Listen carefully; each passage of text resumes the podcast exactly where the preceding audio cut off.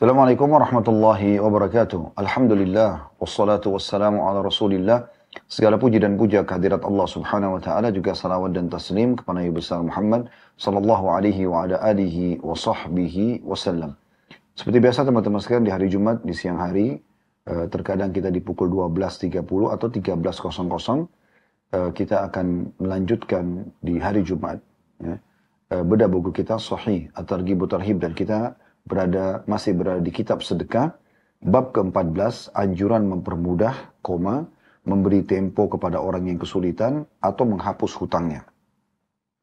Dan sudah kita sebutkan uh, kurang lebih ya mempelajari uh, lima buah hadis awal dari bab ini tentang keutamaan orang yang mengutangkan orang lain atau memang dia uh, memberikan tenggang waktu atau memaafkan utangnya.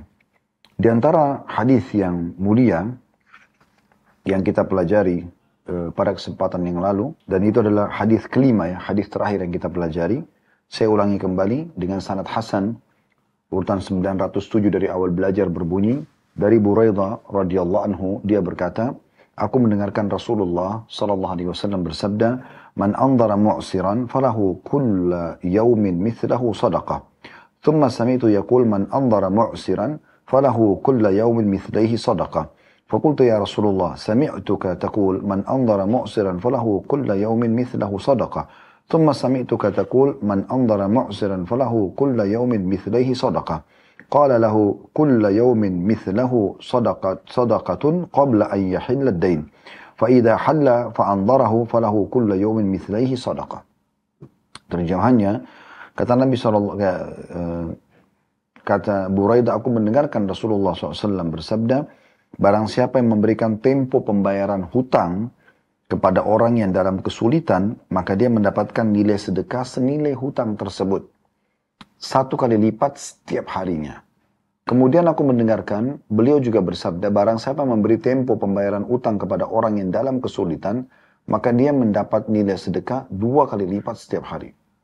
Aku berkata, wahai Rasulullah, aku mendengar anda berkata atau bersabda, barang siapa memberi tempo kepada orang dalam kesulitan, maka dia mendapatkan nilai sedekah senilai utang tersebut setiap kali, setiap harinya satu kali lipat.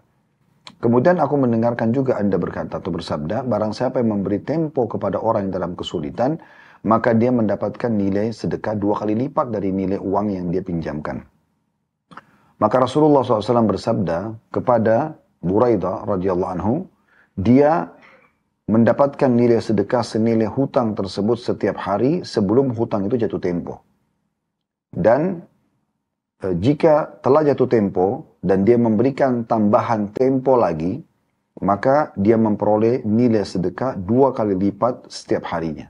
Hadis ini diriwayatkan oleh Al-Hakim dan semua rawi-rawinya hujjah dalam kitab As-Sahih. Ya. Jadi kalau Anda meminjamkan uang 10 juta rupiah, anda akad misalnya awal Januari sampai akhir Januari kesepakatannya, setiap hari Anda seperti bersedekah 10 juta rupiah sampai akhir Januari. Sampai Anda kesepakatan utang itu dibayarkan. Anda bisa bayangkan Anda investasi 10 juta, Anda dapat pahala 300 juta atau 310 juta kalau 31, sampai tanggal 31 misalnya. Kalau anda tagih di akhir Januari ternyata dia belum bisa bayar dan Anda masih memberikan tenggang waktu lagi buat dia di bulan Februari, ya umumnya 28 hari ya, maka Anda seperti mulai dari 1 Februari itu bersedekah 20 juta, dua kali lipat per harinya. Sampai akhir bulan atau sampai kapan dia bayar. Inilah keutamaan luar biasa, memudahkan orang-orang yang terlilit utang ya. Eh, Anda mudahkan buat mereka. Dalam riwayat yang lain, riwayat Al-Hakim masih nomor yang sama ya, masih nomor 5. Man anzara mu'siran falahu kulla yawmin sadaqatun qabla an yahilla ad-dain fa idza halla ad-dain fa anzarahu ba'da dhalik falahu kulla yawmin mithlahi sadaqah. Barang siapa yang menunda tempo orang yang dalam kesulitan, maka dia mendapatkan sedekah setiap harinya sebelum utang itu jatuh tempo.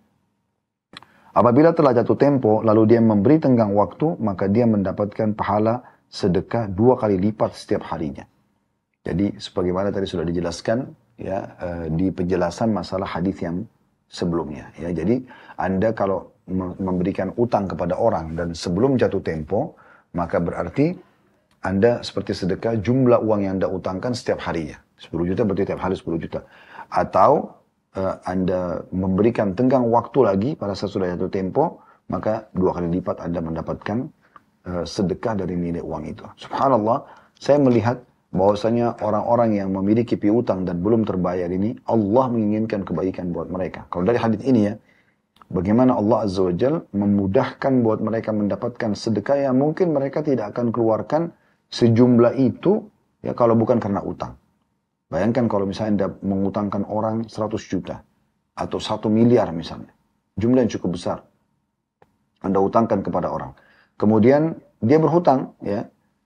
Anda seperti bersedekah sejumlah itu setiap harinya. Dan itu tidak mungkin Anda lakukan dalam bab sedekah gitu kan. Yang mungkin sulit atau atau mungkin sulit Anda lakukan ya. Tapi dengan sendirinya Anda sedekah seperti tiap hari itu. Jadi kalau Anda pinjamkan orang 100 juta sama dengan 100 juta per hari kali 30 hari ya itu kurang lebih 3 miliar. Seperti Anda bersedekah 3 miliar. Padahal Anda cuma keluarkan 100 juta. Kalau Anda kasih 1, 1 miliar, maka Anda seperti bersedekah 30 miliar dalam satu bulan. Kalau jatuh tempo, Anda berikan tenggang waktu dua kali lipatnya. Coba bayangkan. Ini memang membutuhkan kacamata iman ya agar kita bisa tersentuh untuk ya uh, mengerjakan atau mengejar pahala seperti ini. Baik kita akan masuk teman-teman sekalian pada siang ini hadis yang akan kita bahas insya Allah hadis ke-6 dalam bab ini dengan sanad sahih urutan 908 dari awal belajar. Berbunyi dari Abu Hurairah radhiyallahu anhu dari Nabi sallallahu alaihi wasallam beliau bersabda, "Man naffasa an muslimin kurbatan min kurabid dunya, naffasallahu anhu kurbatan min kurabi yaumil qiyamah." Wa man yassara ala mu'sirin fid dunya, yassara Allah alaihi fid dunya wal akhirah. ومن ستر على مسلم في الدنيا ستره الله ستر الله عليه في الدنيا والآخرة والله في عون العبد ما كان العبد في عون أخيه terjemahannya kata Nabi SAW barang siapa memberi jalan keluar satu kesulitan dunia dari seorang muslim ada masalah yang sedang dihadapin kita mudahkan dia maka Allah akan melapangkan untuknya kesulitan pada hari kiamat barang siapa yang memudahkan orang yang dalam kesulitan di dunia maka Allah akan memudahkannya di dunia dan di akhirat. Barang siapa yang menutup aib seorang, seorang muslim di dunia, maka Allah akan menutupi aibnya di dunia dan di akhirat. Allah senantiasa menolong hambanya, yang besar kata ganti Allah, selama hamba itu menolong saudaranya. Ada sini riwayat Muslim, Abu Dawud, Tirmidzi dan Tirmidzi menghasankannya. An-Nasai juga Ibnu Majah meriwayatkan secara ringkas dan Al-Hakim berkata sahih berdasarkan syarat keduanya. Riwayat ini teman-teman sekalian, riwayat yang mulia tentang masalah mempermudah urusan orang, terutama muslim, ya terutama muslim. Kita langsung saja ambil faedah dari hadis. Faedah yang pertama adalah potongan pertama dari hadis. Man naffasa an muslimin kurbatan min kurabi dunia naffasallahu anhu kurbatan min kurabi yaumil qiyamah. Barang siapa memberi jalan keluar dalam kesulitan dunia bagi seorang muslim, memberi jalan keluar Berarti di sini teman-teman sekalian kita memberikan jalan keluar apa pun sifatnya. Saran, ide, ya, bantuan materi, ya, bantuan relasi, ya, apa saja, bantuan tenaga. Intinya kita mengeluarkan dia dari masalah yang sedang kita memberikan dia jalan keluar dari masalah yang sedang dia hadapi. Maka itu sudah cukup menjadi tiket buat kita nanti di hari kiamat kita akan selamat dari masalah yang akan kita hadapi. Mungkin kurangnya pahala, mungkin adanya tuntutan-tuntutan orang, Anda butuh syafaat, Anda butuh pertolongan pada hari kiamat. Allah akan mudahkan nanti. Anda akan mendapatkan syafaat tentunya, ya. Nah, ini yang dimaksud adalah memudahkan orang yang dalam kesulitan. Jadi tidak harus eh, orang itu adalah orang lain yang sedang berhadapan sama kita pun sama. Mungkin ada orang yang sedang berhutang, kemudian dia tidak mampu bayar, atau dia masih minta e, dikasihani, atau mungkin dimaafkan. Atau mungkin ada orang yang menyakiti kita, kemudian dia mohon-mohon untuk minta maaf, kita mudahkan dia untuk untuk untuk dimaafkan supaya dia plong dalam hidupnya, dia bisa tenang dalam beraktivitas misalnya. Maka itu termasuk bagian daripada memberikan kemudahan. Ya di sini ada anjuran untuk memberikan jalan keluar ya dari sebuah solusi. Itu saya katakan tadi bisa ide, saran, nasihat ya atau materi, uang, harta Anda bantu atau tenaga atau relasi ya. Semua sama. Ya, ini berarti Anda sudah memberikan jalan keluar dari permasalahannya. Jadi ada keutamaan bagi orang yang memberikan jalan keluar bagi seorang muslim. Dia akan diberikan juga jalan keluar dari masalahnya pada hari kiamat. Faedah kedua dari hadis adalah potongan kedua di sini dikatakan, "Wa man yassara 'ala mu'sirin fid dunya yassara Allahu 'alaihi fid dunya wal akhirah." Dan barang siapa yang memudahkan orang yang dalam kesulitan di dunia, maka Allah akan memudahkannya di dunia dan di akhirat. Ini mirip dengan yang pertama sebenarnya. Tapi yang pertama itu lebih kepada memberikan jalan keluar. Kalau ini memudahkan kalau kita rincikan mungkin, kalau potongan yang pertama tadi adalah orang yang mungkin tidak interaksi sama kita secara langsung. Misalnya orang dalam keadaan kesulitan, lalu kita memudahkan dia untuk mendapatkan jalan keluarnya. Kalau yang potongan yang kedua ini adalah orang yang memudahkan orang dalam kesulitan. Artinya dia sedang berhadapan dengan kita dan dia punya masalah. Maka kita mudahkan dia, kita longgarkan, ya, kita maafkan. Nah ini masuk dalam potongan yang kedua. Nah keutamaannya kalau yang berhubungan sama kita, kita akan mendapatkan kemudahan dunia dan akhirat. Kalau tadi kita memberikan jalan keluar, mungkin cuma pendapat, mungkin cuma ide, saran, mungkin cuma uang, itu kita akan diselamatkan dari masalah di hari kiamat. Tapi kalau ini, kalau yang berhubungan dengan kita ini jauh lebih besar keutamaannya. Allah akan berikan kemudahan-kemudahan dunia dan juga akhirat. Faedah ketiga dari hadis adalah pentingnya untuk menutupi aib saudara muslim. Ya, jadi kalau ada kekurangan, ada kesalahan, kita tutupin. Bukan malah kita expose. Ya. Nah, di masa sekarang masa media, masa justru kalau heboh ya membuka aib orang, uh, apalah ya, uh, atau bahkan memfitnah orang lain, dianggap itu sebuah prestasi, dianggap itu sebuah prestasi padahal sebenarnya itu keliru, itu bukan prestasi, ya. Maka uh, ini hati-hati karena kalau kita ekspos maka ada sebuah hadis dan di mana Nabi SAW ingatkan siapa yang men sengaja mencari-cari aib seseorang muslim maka Allah akan juga membongkar aibnya walaupun dalam rumahnya. Sebaliknya di sini hadisnya dikatakan kalau dia menutupi aib seorang muslim di dunia maka Allah akan tutupi aibnya di dunia dan di akhirat. Lalu bagaimana kalau ada orang melakukan pelanggaran? Kita datang nasihatin dia. Berikan masukan-masukan. Itu boleh. Tapi jangan kita justru mengekspos ya. Dan kalau ada orang mengamanahkan sebuah masalah, misalnya dia mengatakan, saya mau cerita tapi tolong jangan diceritain orang lainnya. Nah, kita mengatakan iya, maka harus kita jaga amanah itu. Tidak boleh malah kita sengaja mengeksposnya. Ya, Padahal mungkin dia tidak mau. Itu bisa masuk dalam bab ghibah nantinya. Karena ghibah itu adalah engkau menyebutkan kata Nabi SAW tentang saudaramu yang dia tidak suka ya untuk disebutkan. Maka ini poin penting untuk digaris bawahi. Kemudian yang keempat adalah yang terakhir dalam hadis ini dan Allah senantiasa menolong hambanya selama hamba itu menolong saudaranya. Maksudnya pertolongan akan selalu datang unsur timbal baik kepada kita dari Allah Subhanahu wa taala selama kita sibuk juga menolong orang lain. Jadi kita memang ini manusia masyarakat eh, kita ini eh, apa namanya? Manusia ini adalah makhluk sosial ya. Kita makhluk gotong royong, kita nggak bisa eksklusif sendiri. Memang kita harus bekerja sama bekerja sama, saling bantu membantu dan itu punya kedudukan sendiri sebagai seorang muslim di sisi Allah Subhanahu wa taala. Bayangkan kalau Anda selalu sibuk membantu orang lain, Allah akan membantu Anda. Ya, jadi memang ini sebuah kata kunci yang luar biasa. Artinya kalau Anda tidak mau membantu orang lain, Anda pun Anda tidak akan tidak akan terbantukan, ya. Sementara Anda tidak mungkin tidak menghadapi masalah. Pasti akan ada masalah-masalah yang Anda hadapi dalam hidup Anda. Nah, ini Hadis pertama yang kita pelajari pada siang ini tepatnya hadis ke-6 dalam bab kita, bab tentang masalah mempermudah urusan orang lain ya. Kita masuk hadis ke-7, ini hadis kedua pada siang ini insyaallah dengan sanad sahih urutan 909 dari awal belajar berbunyi dan masih dari sahabat yang sama. Dikatakan situ kalau yang teman-teman pegang bukunya dan darinya. Ya.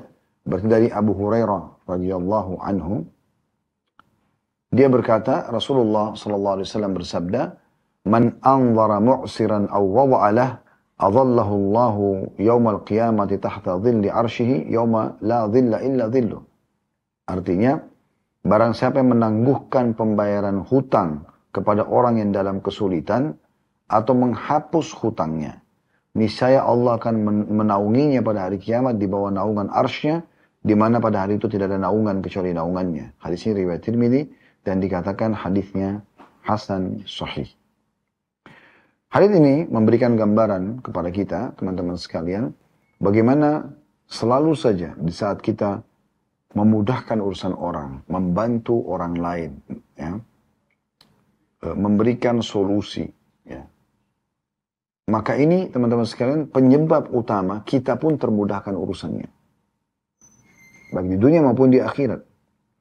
Kalau tadi kita dapatkan apa yang kami sebutkan itu dalam hadis sebelumnya, maka di sini kita bisa lihat ya keutamaan tambahannya yaitu dia akan mendapatkan naungan Allah pada hari kiamat tidak ada naungan kecuali naungannya.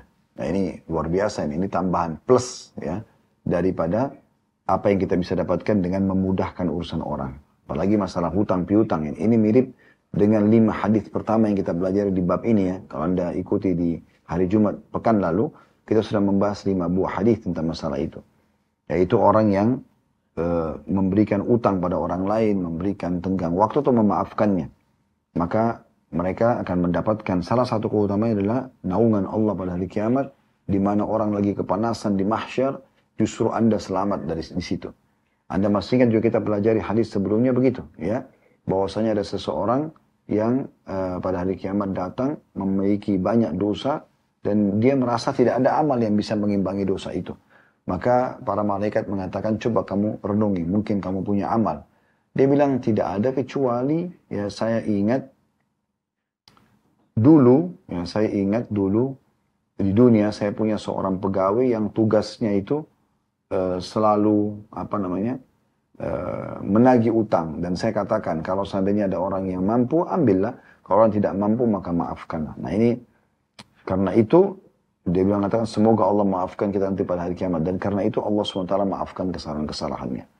Dan siapa teman-teman sekalian yang lebih bahagia dibandingkan orang nanti di akhirat yang pada saat orang lagi kepanasan digambarkan dalam surah Al-Hajj pada saat itu ya orang-orang yang wanita hamil akan mengeluarkan bayinya uh, orang anak kecil akan kelihatan tua ya beruban dan juga orang kelihatan sempoyongan seperti mabuk padahal sebenarnya tidak mabuk karena adab Allah pedih pada saat itu. Ada orang tenggelam sesuai dengan keringatnya sendiri. Eh, maksudnya tenggelam dengan keringatnya sesuai dengan amalnya. Ada orang yang tenggelam sampai mata kaki, ada yang sampai perut, ada yang sampai dadanya. Yang Nabi SAW memberikan isyarat sampai mendekati mulutnya dengan keringat dia sendiri karena dosa yang dia lakukan dan tidak sempat taubat semasa di dunia tentunya. Maka di saat itu ada orang yang dapat naungan dan sudah masyur kepada di di tengah-tengah kita tujuh golongan yang Allah naungi kan gitu ada imam yang adil ya ada uh, seseorang anak muda yang tumbuh di atas ketaatan Allah, ada dua orang yang saling mencintai karena Allah, berkumpul dan berpisah karenanya, ada orang yang terhati, hatinya terpaut dengan masjid, ada orang yang bersedekah dengan tangan kanan sampai tangan kiri tidak tahu, ada orang yang diajak berzina oleh wanita yang memiliki kedudukan dan kekayaan, kemudian dia mengatakan saya takut kepada Allah, ada orang yang mengingat Allah sendirian, kemudian dia meneteskan air mata. Jadi tujuh golongan ini disebutkan dalam sebuah hadis. Hadis ini tambahannya, berarti ada golongan lain juga yang dapat naungan di bawah arsy Allah pada saat orang sedang kepanasan eh, karena teriknya cahaya matahari, yaitu orang yang mengutangkan orang atau menangguhkan pembayaran utang orang yang dalam kesulitan atau bahkan menghapuskan utang tersebut. Maka dia juga akan dapat naungan Allah di hari kiamat, tidak ada naungan kecuali naungannya. Dan hadis ini kita ambil dua buah pelajaran. Yang pertama adalah perintah atau anjuran agar mempermudah urusan orang terutama orang yang sedang terlilit utang dan tidak punya kemampuan ya untuk membayarnya baik dengan menangguhkan atau mema memaafkan. Kemudian yang kedua adalah uh, keutamaan orang yang memberikan tangguhan ini akan mendapatkan naungan Allah atau arsh Allah di hari kiamat tidak ada naungan kecuali naungannya. Kita lanjutkan teman-teman sekalian. Mohon maaf. Kita lanjutkan hadis nomor 8 dengan sanad sahih urutan 910 dari awal belajar berbunyi dari Abu Yasar radhiyallahu anhu dia berkata Absarat aynaya hatani wada isba'ihi ala aynayhi wa sami'at udunaya hatani وضعت إصبعيه في أذنيه ووعاه قلبي هذا وأشار إلى نياط قلبه رسول الله صلى الله عليه وسلم يقول من أنظر مؤسرا أو وضع له أظله الله في ظله Hadis ini riwayat Ibnu Majah dan juga Al-Hakim. Dan Al-Hakim mengatakan sahih berdasarkan syarat Muslim. Kata Abu Yasar anhu kedua mataku ini. Kemudian dia meletakkan kedua jarinya di kedua matanya jadi sambil memberikan isyarat. Dan kedua kupingku ini atau telingaku mendengarkan secara langsung dia meletakkan kedua jarinya di kupingnya, memberikan isyarat. Dan hatiku ini memahami lalu dia menunjuk ke arah hatinya ya. Bahwa Rasulullah SAW bersabda, barang siapa menangguhkan tempo dalam kurung pembayaran hutang kepada orang yang dalam kesulitan atau menghapus hutangnya, maka Allah akan menaunginya di bawah naungannya nanti. Ya, artinya mirip dengan penjelasan tadi, dia akan mendapatkan naungan Allah Subhanahu wa taala pada hari kiamat, ya. Hadis ke-9 mirip juga ya, kita langsung bacakan dengan sanad sahih urutan 911 dari awal belajar. Berbunyi dari Abu Qatadah radhiyallahu anhu dia berkata, aku mendengarkan Rasulullah SAW bersabda, "Man nafasa an gharimihi aw maha anhu kana fi dhillil arsy yaumal qiyamah." Barang siapa yang memudahkan orang yang berhutang kepadanya atau menghapus hutangnya, maka dia akan berada di bawah naungan arsy Allah pada hari kiamat. Hadis ini diriwayatkan oleh Al-Baghawi dalam syarah sunnah dan dia berkata hadis ini hasan. Kemudian hadis yang selanjutnya saya langsung selesaikan baca sampai hadis ke-11. Kita jelaskan dan ambil faedah sekaligus karena ini semakna hadisnya. Hadis ke-10 dengan sanad sahih di ghairi menjadi sahih karena dikuatkan dengan riwayat-riwayat lain. Urutan 912 dari awal belajar. Dan diriwayatkan pula dari Asad ibn Zurara radhiyallahu anhu dia berkata, Rasulullah SAW bersabda, Man sarra an yudhillahu Allah fi dhillihi yawma la dhilla illa dhillu, falyuyassir ala mu'sir, au liyadha anhu. Barang siapa yang ingin dinaungi oleh Allah di bawah naungannya pada hari pada hari yang mana tidak ada naungan kecuali naungannya, maka hendaklah dia memudahkan orang yang dalam kesulitan atau menghapuskan hutangnya. Diriwayatkan oleh Tabarani atau dalam Mu'jamul Kabir dan ia juga memiliki syawahid. Ya, kalau anda yang pegang bukunya, syawahid jamak daripada syahid yang berarti saksi-saksi dari riwayat-riwayat lain. Hadis terakhir dalam bab kita ini hadis ke-11 dengan sahih di ghairihi menjadi sahih karena dikuatkan juga dengan riwayat-riwayat lain Urutan 913 dari awal belajar berbunyi diriwayatkan pun dari Syaddad bin Aus radhiyallahu anhu dia berkata, Aku mendengar Rasulullah wasallam bersabda, "Man anzara mu'siran aw tasaddaqa alaihi adallahu Allah fi dhillihi yaumil qiyamah." Barang siapa yang memberi tempo kepada orang yang dalam kesulitan atau bersedekah kepadanya, maka Allah akan menaunginya di bawah naungannya pada hari kiamat dan diriwayatkan Tabarani dalam Mu'jam al-Awsat. Jadi keempat riwayat terakhir ini, ya, atau tepatnya sebenarnya lima riwayat ya, dari riwayat 7, 8, 9, 10, dan 11. Semua ini berbicara tentang masalah keutamaan orang yang memudahkan urusan orang lain terutama dalam utang piutang dengan memberikan tenggang waktu selama dia masih belum bisa bayar. Dia minta waktu lagi dikasih tenggang waktu. Atau memang dia e, memaafkan. Maka dipastikan dari riwayat-riwayat ini itu adalah faedah pertama dari hadis dia akan mendapatkan naungan Allah pada hari kiamat. Ini naungan arsh Allah dan sudah kami gambarkan di mahsyar di saat itu sangat panas. Manusia semuanya terganggu dengan panasnya matahari itu. Ya. Sampai dalam sebuah hadis Bukhari tentang hadis syafaat kubra atau syafaat atau pertolongan Nabi SAW, beliau uh, menggambarkan bagaimana manusia hirup piruk dan bingungnya pada saat itu karena panasnya cuaca matahari di mana Nabi SAW mengatakan matahari itu cuma jaraknya satu mil. Dan perawi hadis mengatakan saya tidak tahu satu mil jarak perjalanan kah yang sekitar satu setengah kilometer atau mil orang Arab juga mengatakan mil itu kalau dia mau meletakkan celak di matanya dengan uh, kayunya ya atau uh, biasa ada kayak uh, tongkat kecil ya atau alat kecil yang untuk di, di, di, di celak kemudian dioles di mata. Nah kalau sudah dekat dengan matanya seperti ini maka itu juga dikatakan mil. Nah, berarti panas sekali matahari. Sekarang saja jutaan kilometer jaraknya dari bumi e, bisa kita rasakan triknya. Bagaimana kalau dia dekat sekali, gitu kan? Pada saat itu manusia sangat terganggu dengan panasnya matahari. Tapi ada beberapa golongan yang Allah selamatkan. Ya, sudah kita sebutkan dari tujuh golongan dalam sebuah hadis yang lain. Dan di sini ada tambahan golongan yang ke-8, yaitu orang yang memudahkan ya, utang orang lain dengan memberikan tambahan tempo waktu atau dia memaafkan. Pelajaran kedua dari hadis yang bisa kita ambil adalah bolehnya seseorang seperti sikap Abu Yasar dalam hadis ke-8 itu untuk memastikan kebenaran info yang dia sampaikan, dia memberikan isyarat seperti itu. Dia mengatakan sesungguhnya kedua mataku, lalu dia berikan isyarat dengan tangannya. dan kedua kupingku lalu dia berikan isyarat dengan kupingnya dan hatiku ini ya memaham jadi kedua mataku melihat lalu dia berikan isyarat dengan tangan. Kedua telingaku mendengar dan dia berikan isyarat dengan kupingnya. Dan hatiku memahaminya dia berikan isyarat dengan hatinya bahwa Rasulullah SAW telah bersabda gitu kan. Jadi memberikan kesaksian gitu. Nah ini juga dibolehkan karena dalam riwayat ini beliau menyebutkan masalah itu dan ulama menukil apa yang dilakukan oleh Abu Yasar radhiyallahu anhu.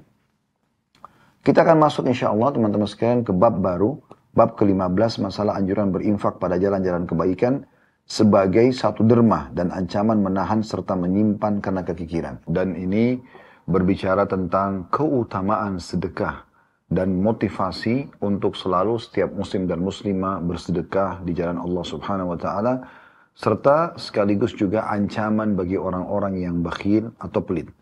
Hadis pertama dalam bab kita ini ada satu a dan ada satu b Ya. kita langsung masuk saja di satu A-nya dan ini urutan 914 dari awal belajar berbunyi dan sanatnya sahih dari Abu Hurairah radhiyallahu anhu dia berkata Rasulullah sallallahu alaihi wasallam bersabda ma min yaumin yusbihul ibadu fi illa malakani yanzilan. Fayaqulu ahaduhuma Allahumma a'ti munfikan khalafa wa yaqulu al-akharu Allahumma a'ti mumsikan talafa Hadis ini riwayat Bukhari dan Muslim. Terjemahannya tiada hari di mana para hamba mendapatkan atau memasuki waktu pagi kecuali ada dua malaikat yang turun. Salah satu dari mereka berdua berkata, Ya Allah, berikanlah ganti kepada orang yang berinfak dan yang lain berkata, Ya Allah, berikanlah kehancuran atau kerusakan kepada orang yang tidak mau berinfak. Hadis ini memberikan gambaran kepada kita bahwasanya yang pertama setiap pagi Allah Subhanahu wa taala menurunkan malaikat dan ini berarti ada uh, singgungan terhadap rukun iman kita yang kedua yaitu iman kepada para malaikat. Jadi beriman kepada malaikat itu faedah pertamanya. Dan mereka beraktivitas sebagaimana Allah subhanahu wa ta'ala telah perintahkan kepada mereka. Di antara tugasnya adalah setiap pagi ada dua malaikat, di sini tidak disebutkan nama mereka, turun dan mereka cuma berdoa, khusus untuk mendoakan saja. Yang satu mendoakan orang yang dermawan, agar makin ma, diberikan ganti dan makin mampu, makin kaya. Dan yang kedua adalah mendoakan kehancuran bagi orang yang pelit. Jadi kita beriman kepada keberadaan malaikat dan tugas mereka. Pelajaran kedua dari hadis adalah doa dan kebaikan akan didapatkan bagi orang yang berinfak. Karena dikatakan oleh malaikat tersebut, Allah ma'ati mumfikan khalafa. Ya Allah gantikanlah semua orang yang berinfak penggantinya. Jadi digantikan harta tersebut. Ya. Faedah yang ketiga dari hadis adalah adanya kehancuran justru bagi orang yang kikir atau pelit. Sebagaimana dari doa malaikat yang kedua, Allahumma a'ti mumsikan talafa. Ya Allah berikanlah kerusakan atau kehancuran bagi orang yang tidak mau berinfak atau kikir. Ibnu Hajar rahimahullah menanggapi ini, di faedah yang ketiga ini mengatakan, yang dimaksud dengan Ya Allah berikanlah kehancuran atau kerusakan pada orang yang tidak mau berinfak atau orang kikir, dikatakan adalah doa ini berlaku pada kehancuran dirinya dan kehancuran hartanya. Nah, jadi opsinya adalah anda berinfak, maka Anda mendapatkan ridho Tuhan Anda, Anda akan mendapatkan doa malaikat dan juga mendapatkan gantinya. Ya. Atau Anda pelit, Anda bakhil, Anda tidak mau berinfak. Anda dapat murka Tuhan Anda Allah, Anda dapat juga doa buruknya malaikat di sini ya. Dan Anda akan mendapatkan kehancuran hasil daripada doa itu. Jadi Islam sama sekali tidak mengenal sifat pelit, Ya, perhitungan. Nah, dalam Islam tidak ada. Semuanya kita keluarkan selama di jalan Allah subhanahu wa ta'ala dan kebenaran. Satu B-nya, dengan sanad sahih, diriwayatkan pula oleh Ibn Hibban dalam sahihnya dan lafadznya adalah Inna malakan bibabi min abwabil jannati yakul man yuqridil yawma yujza gadan wa malakun bibabin akhar yakul Allahumma a'ti mumfikan khalafa wa a'ti mumsikan talafa Sesungguhnya seorang malaikat berada di salah satu dari pintu-pintu surga dan dia berkata, siapa yang memberi pinjaman hari ini, niscaya dia akan diberi balasan besok atau esok. Dan malaikat lain yang berada di pintu yang lain pula berkata, Ya Allah, berikanlah ganti kepada orang yang berinfak dan berikanlah kerusakan pada orang yang tidak mau berinfak. Riwayat ini mirip tadi faidahnya ya, tiga faidah yang kita sudah ambil. Yaitu beriman tentang keberadaan para malaikat karena inilah rukun iman kita yang kedua dan ini salah satu tugas mereka. Selain tugas mereka juga ada yang uh, menurunkan hujan, mengatur pergantian musim, populasi manusia, hewan-hewan, tumbuh-tumbuhan, mengatur siang dan malam dan seterusnya lah ya. Semua itu ditugaskan oleh Allah SWT. Anda bisa baca dalam surah nomor 77 dan 79 dalam Al-Quran tentang masalah ini. Faedah yang kedua adalah tentang doa kebaikan akan didapatkan bagi orang yang berinfak. Dan berarti ada motivasi untuk berinfak di sini. Karena Allah menyuruh para malaikat ini salah satunya untuk mendoakan agar dilapangkan rezeki orang dan diberikan ganti orang yang bersedekah. Yang ketiga, faedahnya adalah adanya ancaman dan hukuman bagi orang yang justru membangkang ya tidak mau berinfak. Mereka bakhil. Nah, ini ada doa kehancuran. Sudah kita sebutkan tadi perkataan Ibnu Hajar rahimahullah. Beliau mengatakan maksudnya adalah kehancuran, malaikat doakan kehancuran diri orang tersebut dan juga kehancuran hartanya. Baik, kita ambil faedah keempat. Itu tadi tiga faedah dari hadis yang satu, satu A-nya. Satu B sama faedahnya ini, tinggal kita tambahkan faedah yang keempat. Yaitu, di sini ada perkataan e, tambahannya ada malaikat yang khusus Allah berdirikan di salah dari pintu-pintu surga dan dia mengatakan siapa yang memberi pinjaman hari ini niscaya dia akan diberi balasan esok. Pinjaman sini maksudnya adalah berinfak. Ya. Boleh meminjamkan uang atau memang dia infakkan karena memang makna qard meminjamkan ini itu Allah gunakan dalam firman-Nya man dzalladzi yuqridullah qardan hasana. Siapa yang ingin meminjamkan untuk Allah dengan pinjaman yang baik. Jadi pinjaman yang baik ini digunakan untuk bahasa ya sedekah juga. Oleh karena itu ini maksudnya adalah orang bersedekah. Walaupun di dalamnya kalau ada orang meminjamkan dan dia mau mencari pahala itu juga masuk dalamnya tentunya. Ya. Jadi ini faedahnya. Artinya adanya motivasi untuk bersedekah dan harian. Gitu kan. Sifatnya harian. Dan ini juga mendapatkan doa malaikat. Artinya dia akan mendapatkan balasannya esok nanti pada saat dia masuk ke dalam surga. Itu hadis pertama.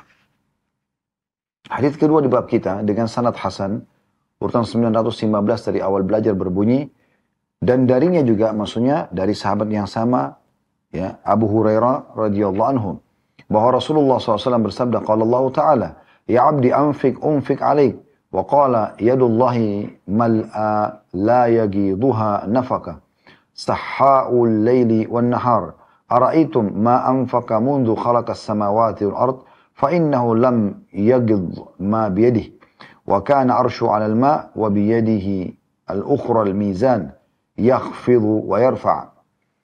Artinya, dan hadis ini riwayat Bukhari Muslim ya. Artinya kata Nabi SAW, Allah yang maha tinggi berfirman, Wahai hambaku, berinfaklah, niscaya aku akan berinfak kepadamu. Dan beliau juga bersabda, tangan Allah penuh pemberian, tidak menguranginya. Terus-menerus memberi, malam dan siang. Apakah kalian tidak melihat apa yang telah diinfakkannya? Ini besar kata ganti Allah. Sejak diciptakannya langit dan bumi itu tidak mengurangi apa yang ada di tangannya. Dan arsnya Allah di atas air. Di tangannya yang lain terdapat timbangan. Dia mengangkat dan menurunkan. Hadis ini teman-teman sekalian memberikan banyak sekali pelajaran kepada kita tentunya. Ya. Pelajaran yang pertama yang bisa kita ambil adanya hadis kutsi, ya, adanya hadis kutsi ini juga memang dari awal kita belajar belum pernah kami singgung ya. Jadi ada hadis yang langsung penyampaian Nabi Wasallam seperti kita dengarkan Rasulullah SAW bersabda langsung masuk ke perkataan beliau. Ada hadis kutsi ini adalah perkataan Allah Subhanahu perkataan Nabi SAW yang menyampaikan atau meriwayatkan dari Tuhannya tapi bukan bagian dari Al-Quran. Itu disilakan dengan hadis kutsi. Nah, ini hadis kutsi ini. Maka dikatakan Rasulullah SAW bersabda, Allah Ta'ala berfirman. Nah, berarti kan begitu. Tapi bukan ayat Al-Quran. Ini adalah hadis kudsi. Ini faedah yang pertama. Faedah yang kedua dari hadis adalah adanya perintah dari sang pencipta Allah SWT yang maha pemurah, maha penyayang, maha pengasih. ya Yang selalu tepat janjinya, tidak pernah pungkiri janji-janjinya. Agar semua hamba-hambanya berinfak. Dan jawabannya dan langsung. Saya juga akan berinfak kepadamu. Kalau Allah subhanahu wa ta'ala yang berinfak kepada kita, lalu apa yang kita eh, khawatirkan? Pemilik pencipta langit dan bumi ini. Kita butuh udara, yang ciptakan kita Allah, yang ciptakan udara Allah. Yang bisa menahan dan menambahnya juga Allah. Kalau kita butuh makanan, butuh minuman, butuh pakaian, butuh apa saja. Butuh apa saja. Yang ciptakan kita Allah, yang ciptakan semua itu adalah Allah dan hanya Allah yang bisa memberikan. Sebagaimana juga kalau cobaan sedang datang, yang ciptakan kita Allah, yang ciptakan cobaan tersebut adalah Allah, yang bisa mengangkatnya hanya Allah. Lalu kenapa kita mau bergantung kepada satu Tuhan yang maha pemurah ini? Allah subhanahu wa ta'ala. Anda pun dan saya di sini membahas ya untuk menyampaikan Anda mendengar dan kami menyampaikan apa yang Allah yang maha suci ini ya pesankan kepada kita semua. Jadi ini penting sekali. Jangan sampai ilmu seperti ini teman-teman sekalian masuk telinga kanan keluar telinga kiri. Ini harus menjadi sebuah ilmu yang bermanfaat yang bisa kita jadikan sebagai pegangan. Oh ternyata Tuhanku perintahkan seperti ini. Dan mulai sekarang pada saat sudah tutup ceramah kita, terapkan. Oh tadi bahasanya tentang masalah infak. Oke, kita mulai berinfak. Berikan infak-infak yang terbaik di sisi Allah subhanahu wa ta'ala. Ya, jangan sampai kita berinfak dengan sesuatu yang kita sendiri tidak mau terima. Makanya seorang salah mengatakan, ya e, janganlah seseorang dari kalian memberikan untuk Allah apa yang dia malu memberikan kepada azizul kaum atau kepada satu pejabat. Ya, orang yang punya kedudukan. Bagaimana anda kalau memberikan untuk dia hadiah, maka anda harus memberikan di jalan Allah, maksudnya kepada fakir miskin, kepada orang tua, hal yang seperti anda mengemas atau bahkan lebih bagus daripada kemasan untuk anda berikan kepada seorang pejabat manusia. Itu faedah yang kedua dari hadis. Jadi yang paling pertama adalah adanya hadis kudsi, yang kedua ya adanya perintah untuk berinfak dan Allah sang pencipta langit akan berinfak kepada kita. Faedah yang ketiga dari hadis ya yaitu tentang penyebutan Nabi SAW tangan Allah ya, tangan Allah penuh pemberiannya tidak mengurang pemberian tidak menguranginya terus menerus memberi malam dan siang Tidakkah kalian melihat apa yang diinfakkan Allah sejak diciptakan langit dan bumi itu tidak mengurangi apa pun yang ada di tangannya? Ini faedah yang ketiga, yaitu adanya sifat tangan Allah Subhanahu wa taala dan sifat kedermawanan Allah Subhanahu wa taala. Dikatakan dan tangan Allah. Yang kita yakini adalah tangan Allah Subhanahu wa taala sebagaimana Allah inginkan dan sebagaimana Imam Syafi'i rahimahullah mengatakan kami beriman kepada apa yang disampaikan Allah dan Rasulnya sebagaimana Allah dan Rasulnya inginkan maka disebutkan tangan, kita katakan tangan. Tapi kita tidak taktil, membatalkannya, tidak takwil, interpretasikan, kita tidak tashbih, menyerupakan dengan makhluk, kita juga tidak takif menanyakan bagaimananya. Ya sudah kita imani apa adanya. Ya. Karena tidak mungkin makna seperti ini dialihkan ke makna yang lainnya. Ini faedah yang ketiga. Dan faedah yang keempat diambil dari hadis ini adalah bahwasanya Allah subhanahu wa ta'ala tidak pernah habis pemberiannya. Dan Nabi SAW mengajak kita berpikir. Bukankah dari pertama cipta, penciptaan langit dan bumi. Selalu Allah berinfak, menyiapkan air, menyiapkan udara, menyiapkan api, menyiapkan semua fasilitas makhluknya yang baru lahir pun langsung dapat. Semua itu tidak mengurangi sedikit pun apa di sisinya. Kalau kurang pasti berarti berubah dong. Sekarang malah tidak. Gitu kan? Dan tidak akan pernah berubah karena Allah itu tidak akan pernah habis ya apa pun yang dia inginkan. Kalau dunia ini semua digabungkan dengan semua kebaikannya, maka tidak akan menyamai apa pun di sisi Allah subhanahu wa ta'ala kekayaannya, kecuali hanya seperti jari telunjuk atau sebuah jarum dicelupkan di lautan, kemudian diangkat. Tidak akan mengurangi sedikit dari kekayaan Allah subhanahu wa ta'ala. Faedah yang kelima dari hadis adalah, arsnya Allah di atas air. Dan ini Allah sebutkan juga dalam Al-Quran, wa kana arsyu alal ma' dalam surah Hud. Ya. Allah gambarkan masalah dan arsnya Allah ada di atas air. Ini kita imani apa? Dan arsh ini adalah makhluk Allah yang paling besar. Makhluk Allah yang paling besar. Gitu kan? Dan uh, Allah subhanahu wa ta'ala menciptakan arsh dengan keindahannya. Ya. Uh, dan memang arsh ini uh, disebutkan ya. Seperti tadi hadis yang sudah kita sebutkan. Uh, pada saat orang itu memberikan tenggang waktu utang atau memaafkan utang, dia akan mendapatkan naungan Allah di hari kiamat pada saat matahari lagi terik dan panas di bawah naung di bawah naungan arsnya yang tidak ada naungan kecuali naungannya pada saat itu. Jadi arsh ini memang ya tempat bernaungnya orang-orang beriman. Dan Nabi Muhammad SAW mengatakan pada saat manusia lagi kepanasan di mahsyar maka aku pun akan datang ke bawah arsh dan sujud kemudian memohon kepada Allah Subhanahu wa taala agar Allah datang mengadili hamba-hambanya, gitu kan? Dan seterusnya. Jadi ini memang ciptaan Allah SWT yang luar biasa dan Allah sebutkan di atas air. Kemudian faedah yang keenam, ya, Dan di tangan Allah yang lain terdapat timbangan, dia mengangkat dan menurunkan. Ini juga sama, isbat atau penetapan tentang tangan Allah subhanahu wa ta'ala, tapi tanpa kita interpretasikan, tanpa kita menyerupakan dengan makhluk, tanpa kita tanyakan bagaimananya, gitu kan. Tanpa kita tolak, ya. Kita imani apa adanya, dan di sini ada penetapan tentang adanya timbangan amal. Ya, timbangan amal nanti, dan timbangan amal ini sebagaimana Nabi SAW sebutkan, dia memiliki lisan yang bisa berbicara, ya uh, bisa berbicara dan di sini berbicaranya dia berarti dia uh, menghardik orang-orang yang berbuat dosa, menghardik orang-orang yang berbuat dosa, ya. Nah ini uh, ada iman tentang uh, timbangan amal, gitu kan? Allah mengatakan baik dalam Al-Quran, wawudi al uh, kitab, uh, dalam ayat Al-Quran itu digambarkan tentang faman faman taqulat mawazinu faulaika humul muflihun. Siapa yang berat timbangannya maka dia mereka adalah orang beruntung, ya. Uh, juga dengan orang yang timbangannya uh, rusak, ringan, maka ini juga akan mengganggu dia. Ya, jadi timbangan amal itu ada sendiri bab yang dibahas uh, dan adanya itu pada hari kiamat nanti. Kemudian faidah atau kita masuk ke hadis ketiga. Hadis dengan sanad sahih urutan 916 dari awal belajar. Berbunyi dari Abu Umamah radhiyallahu anhu bahwa Rasulullah sallallahu alaihi wasallam bersabda, "Ya bani Adam innaka an tabdhul al-fadla khairun laka wa an tumsikahu syarrun laka wa la tulamu ala kafafin wabda biman ta'ul wal yadul ulya khairun min yadis sufla." Hadis ini riwayat Muslim dan juga Tirmidzi. Terjemahannya kata Nabi SAW, wahai anak cucu Adam, sesungguhnya kamu memberikan kelebihan hartamu adalah lebih baik bagimu, berinfak dan kamu menahannya adalah lebih buruk bagimu. Kalau kau tidak mengeluarkan, maka itu buruk buat kamu. Yang biasa orang banyak nabung ya. Kamu tidak akan dicelah dalam batas yang mencukupi kebutuhan. Dan mulailah dengan orang yang menang menjadi tanggunganmu. Tangan di atas yang memberi lebih baik daripada tangan di bawah yang menerima. Hadis ini memberikan faedah kepada kita. Yang pertama adanya motivasi untuk berinfak, bersedekah. Ya untuk berinfak dan bersedekah. dan di sini disebutkan oleh Nabi SAW kalau engkau berinfak jauh lebih baik, jauh lebih baik berinfak itu daripada menahannya. Nah, ini yang sering kami sampaikan ya.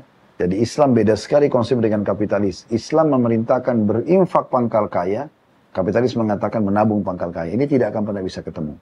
Oleh karena itu kita harus Pahami baik-baik kalau berinfak itu bagian daripada sifat dan sikap seorang muslim. Dermawan, suka memberi. Kemudian faedah yang kedua yang bisa diambil dari hadis jadi adanya motivasi untuk berinfak ya. Faedah yang pertama, faedah yang kedua adalah haramnya dan dilarangnya orang kikir atau pelit di jalan Allah Subhanahu wa taala. Dia harusnya berinfak ya. Kemudian yang ketiga, kita boleh memenuhi kebutuhan dasar kita. Dikatakan wala tulamu ala kafaf. Dan kamu tidak dicela dalam batas yang mencukupi kebutuhan. Silakan penuhi kebutuhan kita. Selama kebutuhan kita penuhi, sisanya baru kita berinfak. Berarti ada juga motivasi di sini faedah ketiga dari hadith untuk memenuhi kebutuhan kita. Ya, dan kita boleh membeli pakaian yang bagus, kendaraan yang bagus, rumah yang layak dan seterusnya. Ya. Faedah keempat dari hadis adalah anjuran kalau mau berinfak agar memulai dengan orang-orang yang dibawa tanggungan ya istri, anak, ya kemudian orang tua misalnya. Maka ini orang-orang yang terdekat, lalu sanak kerabat terdekat, lalu kemudian orang-orang yang uh, jauh dari kita, maksudnya tidak berat tidak berhubungan kekerabatan. Ini sudah sering kita sampaikan, kalau Anda menginfakkan harta Anda kepada orang yang punya hubungan kekerabatan, Anda akan dapat dua pahala, pahala sedekah dan pahala silaturahimnya. Pada terakhir dari hadis yang kelima adalah dan ketahuilah tangan di atas yang memberi lebih mulia daripada tangan di bawah. Nah ini peringatan sisi lain lagi ya. Kalau kita memberi, kita berinfak, maka kita akan lebih mulia di sisi Allah SWT, di sisi mata manusia. Daripada orang yang cuma mau mengemis atau meminta saja. Ini hukumnya di sini tidak boleh mengemis kecuali dalam keadaan, dalam keadaan ya, kita tidak mampu. Sudah kita sebutkan sebenarnya ya, di buku jilid dua ini, uh, di beberapa bab sebelumnya, itu tentang haramnya meminta-minta atau mengemis sudah kita jelaskan ya. Saya ingatkan kembali bagaimana Nabi SAW mengatakan orang yang meminta-minta sementara punya kemampuan, nanti daging wajahnya hilang pada hari kiamat, disiksa dengan itu. Kita bisa bayangkan kalau seandainya uh, sedikit saya tercuil jerawat, kita gores misalnya, itu sudah cukup perih. Apalagi kalau dagingnya dicopot, sakit sekali gitu kan. Begitu juga mereka akan dibukakan pintu-pintu kemiskinan dari uh, tempat yang tidak disangka-sangka. Ya, ya, dia terhina di sisi Allah SWT, mendapatkan dosa dan terhina di mata makhluk. Ya. Pada saat dia membuka pintu, mengemis tersebut. Dan Nabi SAW pernah kedatangan orang lalu minta, dan orang itu sebenarnya orang mampu. Lalu kata Nabi SAW, ada sebagian orang dari kalian datang meminta kepada aku, lalu dia pergi. Tapi yang dia bawa, dibawa ke tiaknya, itu adalah api neraka. Kata Umar dan ya Rasulullah, kalau gitu kenapa anda memberikan kepadanya? Padahal anda tahu dia akan saya dapat neraka. Kata Nabi SAW, karena dia ngotot untuk minta. Dia ngotot untuk minta, dan Allah melarang aku untuk pelit. Ya. Jadi ini tidak boleh. Makanya yadus sufla, maksudnya tangan yang mengemis, itu terhina. Sementara tangan yang ulia yang memberi adalah mulia. Tapi kalau keadaan Anda, Anda betul-betul terlilit utang, anda, anda sendiri tidak bisa lagi makan kecuali minta pada hari itu, atau ada istri dan anak yang harus Anda biayai, ya Anda tidak bisa kalau tidak minta, dan itu ada batas kadar minimalnya, karena pernah ada sahabat mengatakannya Rasulullah, dalam bukunya juga sudah kita pelajari ya, di beberapa, mungkin di hadis sekitar 700-an seingat saya, itu bab tentang haramnya meminta-minta. Uh, waktu itu ada sahabat menanyakan ya Rasulullah, berapa kadar minimal orang tidak boleh minta? Maka kata Nabi SAW, mayugadzihi au yu'ashi.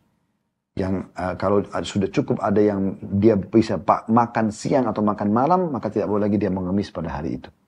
Jadi begitu mulianya Islam sampai tidak boleh sama sekali membuka pintu mengemis itu. Pintu mengemis itu. Baik ini insya Allah bahasan kita pada kesempatan ini. Semoga apa yang kita pelajari hari ini bermanfaat buat kita semua. Kalau ada benar dari Allah, kalau ada salah dari saya, mohon dimaafkan. Subhanakallahumma bihamdika.